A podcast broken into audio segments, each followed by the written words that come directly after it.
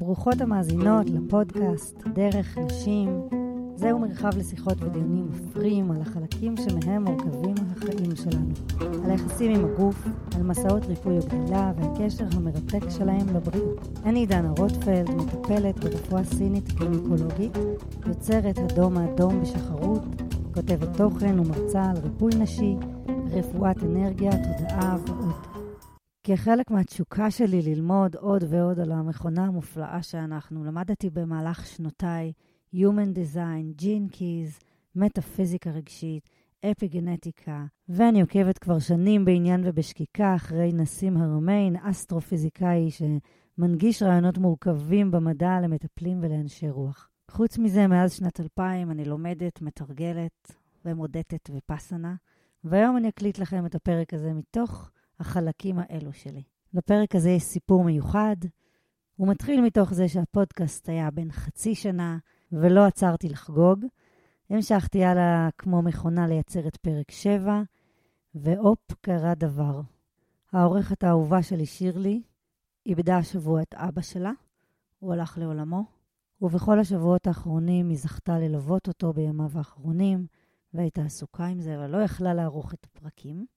אז הנה אני מקליטה פרק אחד בוואן טייק ללא עריכה, ורוקדת ואלס עם הנסיבות. הפרק הזה מוקדש לזכרו של בנימין בני נווה. נתחיל. אז אחת משאלות המחקר של הפודקאסט הזה הוא הקשר בין היחסים עם הגוף בחצי שנה האחרונה, דרך הרעיונות והשיחות ששודרו כאן עד כה. קצת חקרנו מה מתערב לנו ביחסים עם הגוף בהקשר של העולם שבחוץ. חקרנו חוויות חיים, מאפיינים תרבותיים, דיברנו על הפער בין הדיבור של הגוף, שמחפש אוזן קשבת ודיאלוג מכבד, לבין השבלוניות של מערכת הרפואה והתפיסות שלה. דיברנו גם על הזמנים האלו, שיש בהם הזדמנויות לשנות את אורחות התפיסה שלנו כאורגניזם שחי בנפרדות, ומתוך כך להביא למהפכה באיך שאנחנו חושבים על עצמנו ומתחברים לחיים דרך עצמנו. ועל איזה משאבי ריפוי מקופלים עבורנו במודל התפיסתי החדש והמעודכן הזה.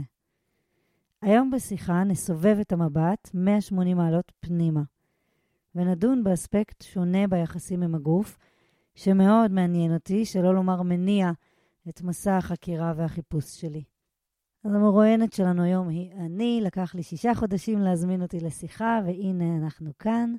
היום בשיחה נעשה זום על היחסים שלנו עם החלק הזה במציאות שלנו, שמספר שאנחנו מורכבים מ-60 טריליון תאים, שמורכבים ממולקולות שעשויות אטומים, שעשויים חלקיקים תת-אטומיים, קוונטיים, במספרים אסטרונומיים, ושזזים ומתחלפים במהירות ובקצב שלא ניתן לתפוס. מהו החלק הזה שלנו? איזה יחסים יש לנו איתו? מה אנחנו יודעים עליו? ואיך בכלל נוכל לפתח יחסים עם דבר שאנחנו לא מצליחים לתפוס בחושים שלנו, לא בחוויה שלנו, ואפילו לא בכלים המנטליים שלנו. ואולי נכון לשאול למה. למה בכלל להתעסק בחלק שלנו? אני יודעת שאותי מה שמניע להסתכל על זה, לחפש, ללמוד את הנושא הזה, הוא החתירה למלא פערים בידע, וגם אי היכולת להניח לזה שבתוך המכונה שאני חיה בה וכל כך מכירה אותה, יש חלקים שלמים שעוקפים אותי, שרוקדים לצלילי מנגינה כלשהי שהאני המודע שלי לא יכול לשמוע. אז מאז תחילת המאה שעברה, מאז תחילת חקר המכניקה הקוונטית, אנחנו יודעים שכל החומרים שאנחנו מכירים עשויים בעצם ממבנים, בתוך מבנים, בתוך מבנים, וכשבאים למדוד את היחידה הכי קטנה שניתן לצפות בה, נראה שמה שצופים בו הוא בכלל רטיטות, תנועה ותדרים, ושיש מסתורין גדול לגבי מהו מקור הנביאה של אותם חלקיקים שרוטטים ומתחלפים. גם אנחנו, כחומר חי, כאורגניזם ביולוגי, מקיימים את אותם חוקי חומר. החלק הזה שלנו הוא כפוף לחוקי טבע ומנגנוני יצירה, ידועים בחלקם ומסתוריים בחלקם. במסתורין שלו הוא מספר לנו על מימדים נוספים בהם אנחנו מתקיימים, חוץ מהמימד המוכר לנו. דרכו אנחנו כפופים לחוקי הטבע הקוסמיים, עם המספרים האסטרונומיים, עם מבנים גיאומטריים, ועם מתמטיקות מרתקות שמספרות על קשר בין הגנום האנושי לבין מנגנוני היצירה בקוסמוס כולו. החלק הזה שלנו מחבר אותנו לכל עולם התופעות, כשאנחנו מצויים בו, ליתר דיוק מצויים במצבי תודעה בהם אפשר לתפוס משהו ממנו, יש לנו גישה לאינפורמציה רחבה, עמוקה ומגוונת יותר מאשר כשאנחנו מצויים במצב התלת-מימדי והיומיומי שלנו. בתוך כל תא מתאי הגוף שלנו יש גרעין, ובגרעין יש את המידע הגנטי, את ה-DNA. המידע שמקודד במולקולות ה-DNA הוא בעל פוטנציאל רחב ורב, ומתוך הפוטנציאל הזה נקראים מקטעים שונים בכל פעם, ולפיכך מחליט הגוף איך לשכפל את התא הבא, ואיזה חומר לייצר. עד לא מזמן החשיבה המדעית הייתה דטרמיניסטית. אנחנו נתונים לגורל הגנים שקיבלנו. ה-DNA והמידע שבתוכו הם אלו שיקבעו איך uh, ייווצרו תאי גופנו ואיך תיראה הבריאות שלנו.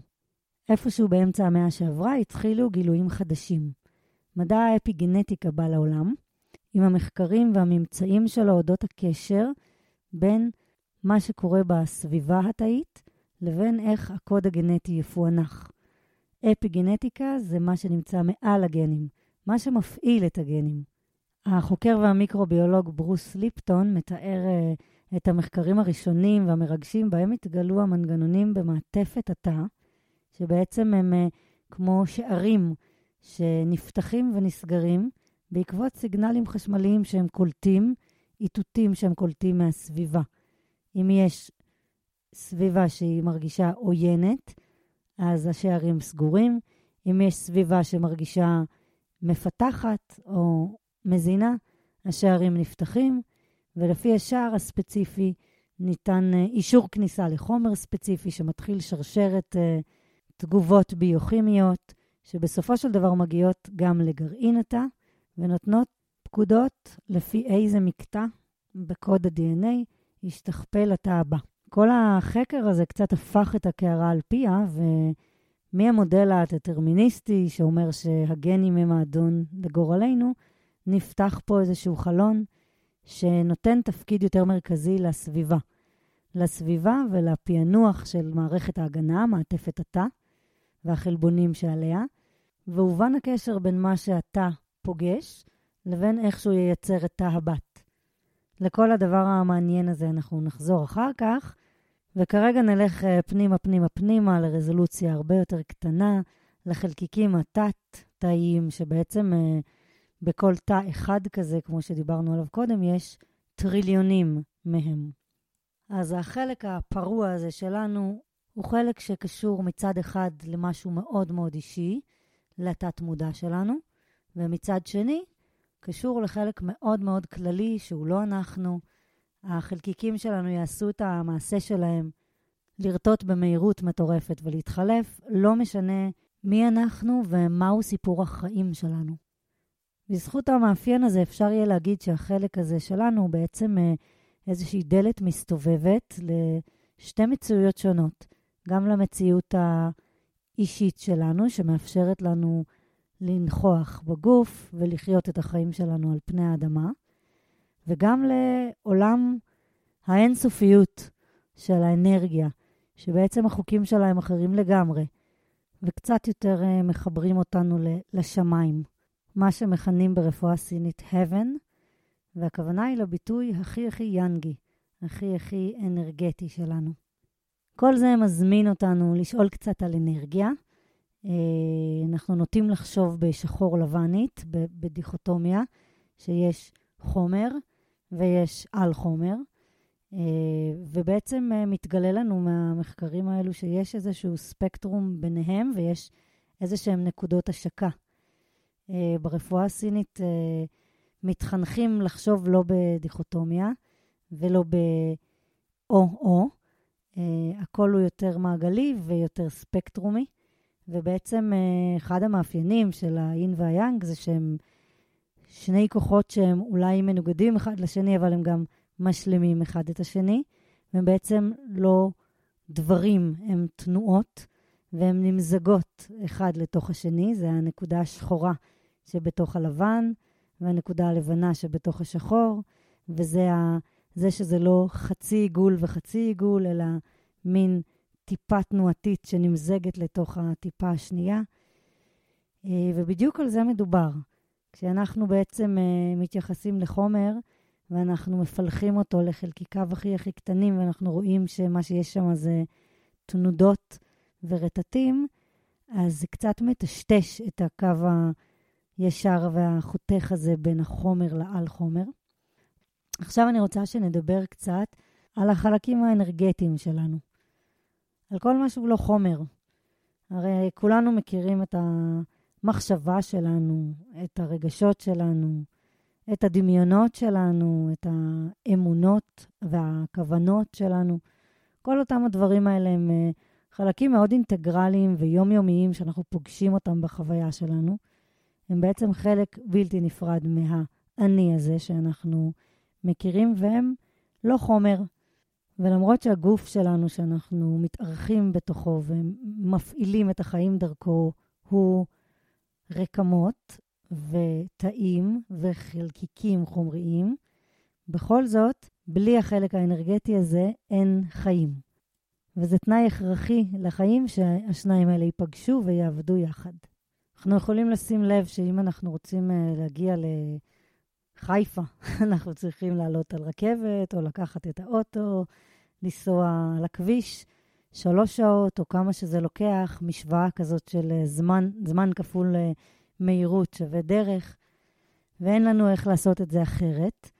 בעוד אם אנחנו רוצים להגיע לכל מקום במחשבה שלנו, it takes us a split of a second. אנחנו יכולים להגיע במחשבה שלנו לאתמול ולמחר ולמאדים ולתקופות פרה-היסטוריות, ונראה שבחלק האנרגטי שלנו יש לנו הרבה יותר חופש. חופש תנועה בזמן וחופש תנועה במרחב. אחת הסיבות שאני אוהבת להתעסק בנושאים האלה הוא היותי פריקית של חופש.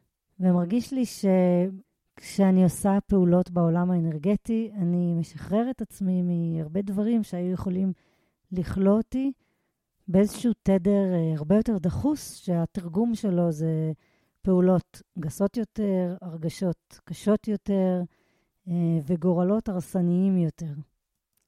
טוב, יוצא שהפרק הזה יוצא מן פרק מבוא, אה, כי עולים בשיחה המון המון דברים, שכל אחד מהם הוא דבר שאפשר להרחיב עליו, על האפיגנטיקה, על אה, החוקים של האנרגיה, על החלקיקים ועל המחקרים והמקורות לכל הדברים שאני מדברת עליהם. כל כותרת כזו היא עולם. אה, ובכל זאת אנחנו נמשיך בנימה של המבוא. וניקח את זה ליום-יום שלנו. הרי מה שמעניין אותנו, שאלת המחקר, הייתה קשר בין היחסים עם הגוף לבין הבריאות, ואיך עושים קשר עם uh, חלק פרוע ולא נודע שכזה. אני מתארת לעצמי שהשאלות האלה מעוררות uh, בכל אחד מחשבות אחרות. אני אחלוק את שלי. הניסיון שלי כמטפלת ברפואה סינית, שבעצם uh, מזיזה דברים בגוף ובחומר אה, באמצעות שימוש במחטים שמשפיעות על השדה האלקטרומגנטי שלנו ולגמרי לגמרי עובדות עבודה שהיא אנרגטית, ללא חומר שמוזרק במחטים. הביאה אותי ממש להיווכח ולהאמין אה, גם בכוח של עבודה אנרגטית מכוונת וגם בכוח של להכיר בעולם האנרגטי. הוא במקום הענק שיש לו בעצם בחוויה שלנו ובהתגשמות שלנו. אני מהמטפלים האלו שבהחלט מאמינים שמחלה היא יצירה, ושתסמין כלשהו שמבטא איזשהו חוסר איזון בתוך הגוף, הוא לא דבר העומד בפני עצמו, הוא איזשהו חלק מאיזשהו סיפור ומאיזשהו חוסר איזון גדול יותר שנמצא בעולם שבחוץ, אי שם באיזשהו חלק במערכת שהבן אדם שמבטא את התסמין קשור אליו. אם אנחנו מנסים להבין איזשהו הלך אנרגטי, שלאו דווקא מתיישב לנו עם אה, היגיון של איך זה עובד בחומר ואיך זה עובד בעולם הרצפים הלוגיים, אז uh, במכניקת הקוונטים יש דבר שנקרא שזירה קוונטית, entanglement. שזירה קוונטית זו תופעה שבאה לתאר קשר בין שני חלקיקים, לא משנה באיזה מרחק הם נמצאים ביניהם, וזהות בהתנהגות שלהם. התופעה הזאת היא תופעה מאוד mind uh, blowing. כשהתחילו לצפות בה במחקרים, לא כל כך ידעו מה לעשות עם זה ואיך להסביר את זה. זה קצת קלקל את הסדר ואת ההיגיון אה, שהיה קודם, והוסבר על ידי המכניקה הניוטונית, שהיו לה חוקים מאוד ברורים ומקובלים לאיך אה, מתנהגים דברים בעולם החומר. וכשירדו במחקרים לרזולוציות של החלקיקים הקוונטיים, שאמרנו קודם שהם ספק חומר, ספק אנרגיה, כי הם גם חלקיק, אבל הם גם נכנסים ויוצאים מהקיום החומרי שלהם והממשי שלהם במהירות אדירה, והמהות שלהם היא יותר תנועה מאשר מסה. אז גילו שגם מה שלא הגיוני קורה, ושבעולם האנרגטי ייתכנו תופעות שסותרות את הפיזיקה של עולם החומר, ואין ברירה, צריך איכשהו להסתדר עם הבעיה הזו, שחומר מורכב מחלקיקים שיש להם שתי פנים, ואחד מהפנים שלהם סותר את חוקי עולם החומר. בעיקרון הזה של השזירה הקוונטית, אנחנו למשל נשתמש בשביל להסביר תופעות כמו הגוף שלנו מתנהג, כמו שהאופי שלנו מתנהג. יש לנו איזשהו אישו מאוד ספציפי, אז חלק מאוד ספציפי בגוף שמייצג את האישו הזה, יפגין איזה חוסר איזון או סימפטום או מחלה. אז השימוש הפרקטי במחשבות האלה שאנחנו מפריחים פה, זה שאפשר להפוך את התהליך. אם יש לי תגובה לחוסר איזון בעולם שבחוץ, לצורך העניין לסביבת סטרס או לאיזשהו מצב רפטטיבי של חוסר צדק, של אלימות, של תסכול, של חסר כלשהו, אז אני יכולה לקחת את התגובה האנרגטית האוטומטית, שבדרך כלל קופצת בלי שאני שולטת בה, למשל מחשבה מסוימת, או תחושה מסוימת, או תנועה, או אין תנועה, או איזשהו מעגל כלשהו שאני רגילה להפעיל באוטומט בסיטואציה כזאת, לעצור שם ולעשות שם איזושהי עבודה, כדי שהאוטומט לא יהיה אוטומט, וברגע שהאוטומטים האנרגטיים משתנים או מוסטים ממסלולם ומפעילים מעגל חדש ולא את המעגל הרגיל, גם המעגל הגנטי בעקבותיהם יפרוץ איזשהו אה, הרגל, כמו שהסברנו קודם, באמצעות המנגנון האפי-גנטי, זה שחשוף לסביבה. אז הסביבה שאני אהווה בעצירה האנרגטית ובשיפט האנרגטי, המחשבתי, הרגשי, התנועתי, ההחלטתי וכולי, תשפיע על המערך הזה של איך התא היחיד הבודד יפרש את המציאות וייצר בעקבות הפרשנות הזו את דור התאים הבא.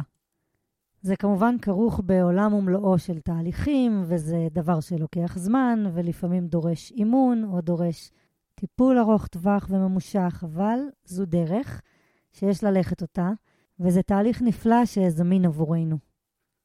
את רוב התגובות האנרגטיות האוטומטיות שלנו, לא אנחנו שמנו בקופסה של התת-מודע. אנחנו בעצם uh, הקלטנו במכשיר ההקלטה שלנו האוטומטי בילדות, אי שם בין הטרימסטר האחרון של ההיריון עד סוף גיל 7. כל מה שנחשפנו אליו נרשם והיה חומר למערכת העצבית שלנו לקדד uh, הוראות הפעלה לחיים האלה. תמיד יש את הקטע הזה שילדים מסתכלים אחורה ואומרים, וואו, נהייתי כמו ההורים שלי. אז זה בדיוק זה.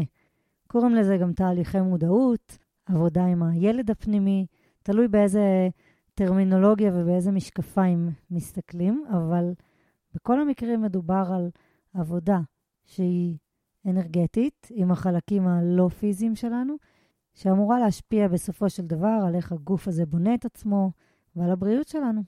אז דיברנו על החשיבות של להכיר בעולם האנרגטי, דיברנו על החשיבות של לעשות uh, פעולות אנרגטיות בתהליכי מודעות ובעצירת uh, דפוסים אוטומטיים שלא בחרנו בהם ועוברים דרכנו חיים שלמים עד שלא נעצור. הזכרנו טיפולים אנרגטיים, את הדיקור הסיני שמתערב ממש בשדה האנרגטי, האלקטרומגנטי, עם, עם המחט, עם המוליך. ועכשיו בואו נדבר על מדיטציות. יש מלא סוגים של מדיטציה. מה הופך מדיטציה למדיטציה? מה בעצם קורה שם ברמה האנרגטית? הדבר העיקרי שמשותף לכל המדיטציות הוא העצירה וההסתכלות פנימה. בניגוד ליום-יום שאנחנו חיים את החיים שבחוץ ונותנים לחושים שלנו להביא לנו אינפורמציה על מה נדרש מאיתנו ולפעול, במדיטציה אנחנו מכבים את החושים, מנסים לייצר איזושהי סביבה שהיא מנותקת ומאפשרת לנו להסתכל פנימה ולהאט את המחשבה, את הנשימה ואת זרימת הדם, לנסות לתת למערכת העצבית שלנו סיגנל של רגיעה ולאפשר לגלי המוח להיכנס למצב תודעתי אחר, שבו נוכל להיות באיזשהו רזוננס יותר קליטתי, יותר רצפטיבי, יותר ייני, יותר פתוח ויותר מתחבר. כל מדיטציה ומה שהיא נועדה לחבר אותנו אליו. המדיטציה שאני מכירה הכי טוב היא מדיטציית ויפאסנה, בה מושא הריכוז שלנו הוא תחושות הגוף. תרגול הוויפאסנה נועד להיות תרגול חסר מאמץ, התבוננות חסרת מאמץ, ומהר מאוד כבני תרבות המערב, כשמתחילים לתרגל אותה, מגלים ש... שלא לעשות כלום זה דבר שדורש הרבה מאמץ, כי הוא הולך כנגד כל התכנות שלנו משנים, וכנגד האינסטינקט שלנו לשפר, להיטיב, לעשות, על מנת לשלוט במשתנים. בסופו של דבר, כשהמודט מצליח לחוות כמה רגעים של uh, התבוננות טהורה, חסרת מאמץ וחסרת פעולה, הוא מגלה שבאי פעולה הזו טמונה הרבה תזוזה והרבה עבודה. אה, זה מאוד מזכיר לי את העיקרון הסיני, הטאואיסטי, שנקרא wu way, doing by non-doing. ובאמת אה, ההבנה הזו של המזרח, שהשכיל לחבק את החלק האנרגטי של האדם ולהתעמק בו, מובילה בסופו של דבר מכל הפלגים והצורות השונות ללמוד אל אותו המקום. פחות תזוזה במרחב, פחות כוח אה, התנגדות, מרחב שהוא נמצא שם ולא עושה הרבה. מיכל משיגים לנו בסופו של דבר אה, תמורה אנרגטית רבה ושווה יותר. בטכניקה של מדיטציית ויפאסנה, ברגע שההתבוננות היא טהורה, זאת אומרת שהיא שוות נפש, אתה מתבונן במה שעולה בעולם התחושות של הגוף, זה יכול להיות כאב, זה יכול להיות uh, חוסר סבלנות, רצון לזוז, זה יכול להיות כל דבר אחר, אבל אתה רק מתבונן, אתה לא מגיב ולא עושה פעולה. אתה בעצם מנטרל מטענים. נתת תגובה ניטרלית כנגד גל שלילי או גל חיובי. Uh, הגל השלילי הוא כשאני נרתע מכאב או מתופעה כלשהי, והגל החיובי הוא כשאני משתוקק אני רוצה עוד ממשהו ואני הולך הלאה ולא נמצא ברגע. והתרגול הזה אמור להוביל ללנקות את המצבורים והשכבות של ההתמכרות שלנו למטענים. ההתמכרות שלנו לדרמה, ההתמכרות שלנו לדברים שאנחנו משתוקקים להם, או לתחושת ההשתוקקות. אז כמו הניסיון שלי עם עבודה אנרגטית בקליניקה, גם הניסיון שלי עם קורסים של ויפאסנה ועם העבודה הזו, הביאה אותי להבין כמה פוטנציאל יש בפעולות הדקות האלה, הניטרליות והקטנות, הכמעט בלתי נראות האלה. כמה שחרור של אנרגיות, מטענים ורעלים הן מאפשרות, וכמה תמיד הן אה, מובילות לאיזה מקום של אה, קסם. את השיטה הזו שנלמדת בקורס הוויפאסנה, הגה בודהה בימים שלא היו מיקרוסקופים וכלי מדידה כמו שיש היום, והוא ישב ובעצם הריכוז שלו והמודעות שלו וההסתכלות פנימה, הוא ניתח וחילק ו...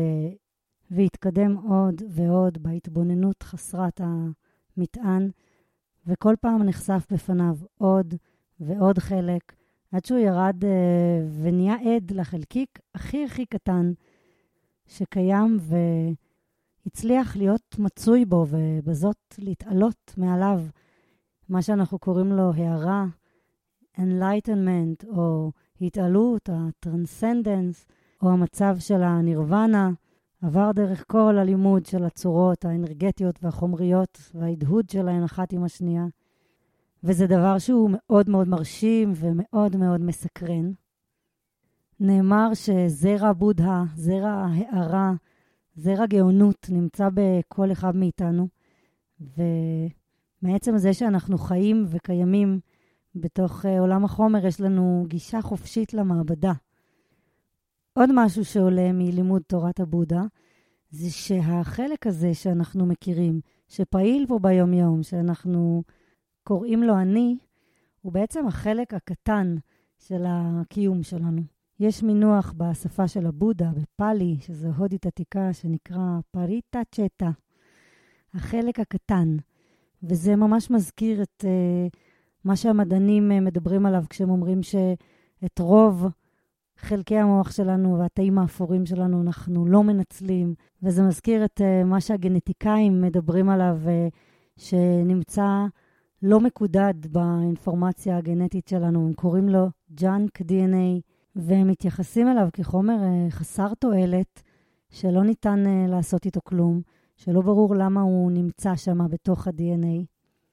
ויש עוד כל מיני דוגמאות של uh, פערים בין דברים שיודעים אותם לדברים שלא יודעים אותם, וההנחה היא שכל הלא ברור, לא ידוע, לא מנוצל, קשור לאותם uh, החלקים היותר uh, גדולים שלנו, שבעצם uh, uh, מהווים איזשהו חלק ממוח כללי, מאינטליגנציה קולקטיבית כלשהי, ממערכת עצבים, חשמל ומידע כלשהי, שאנחנו חלק ממנה, אבל אנחנו לא מודעים אליה. כשמכניקת הקוונטים התחילה להיחקר והתחילו ניסויים, התחיל להיות מדובר הקונספט שהצופה משנה את הנצפה, של התודעה שמסתכלת, בודקת ואפילו מודדת, יש השפעה על תוצאות הניסוי.